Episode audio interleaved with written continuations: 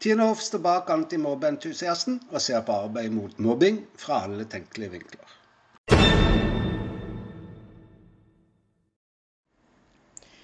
Hvis du går inn i en butikk en dag og ber om å få bytte en vare du har kjøpt, blir du jo ofte bedt om å vise kvitteringen for kjøpet. Ikke sant?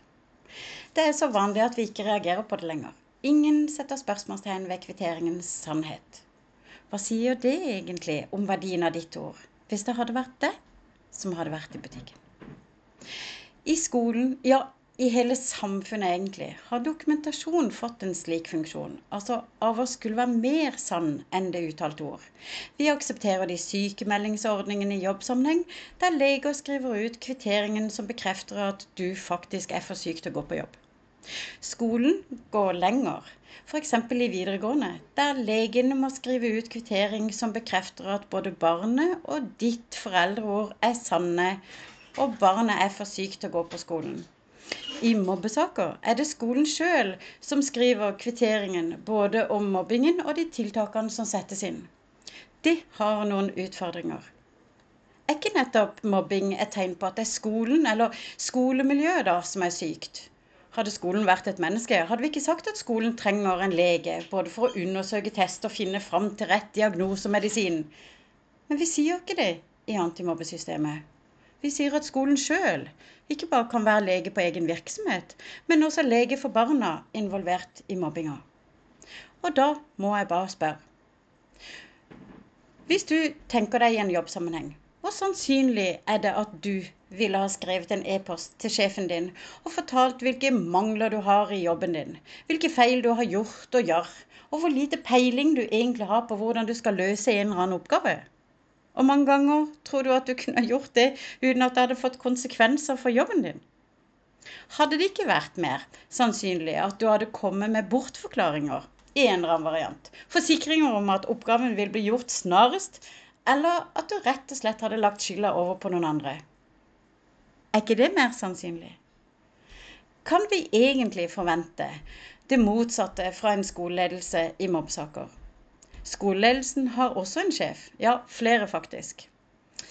Den egeninteresse av å legge ut om sine egne mangler og feil, som Kunnskapsdepartementet tok utgangspunkt i da skolemiljøloven skulle lages. Den egeninteressen deles nok ikke helt av lokale politikere, som jo ønsker å fremstå i mest mulig positivt lys for sine innbyggere, ikke sant? Som en kommune som virkelig tar tak i mobbing.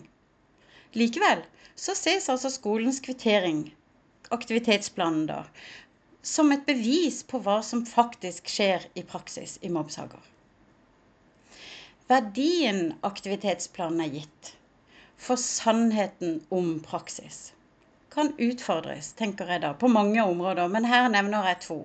For det første konsekvensen av å tilkjennegi egne mangler og feil gjør sannheten mindre sannsynlig for å komme på et stykke papir. Er du ikke enig? Likevel er det som står på papiret i aktivitetsplanen, det som danner grunnlaget for all senere vurdering av andre instanser. F.eks. hvis du klager til Fylkesmannen, som nå heter statsforvalter, eller prøving for retten, av domstolen. Det gjør jo at det som står i aktivitetsplanen, er både viktig, men også at er sant. Og punkt to. Hvis vi da sier at aktivitetsplaninnhold er viktig, hvor er så stemmene til de øvrige voksne involvert i saksbehandlinga?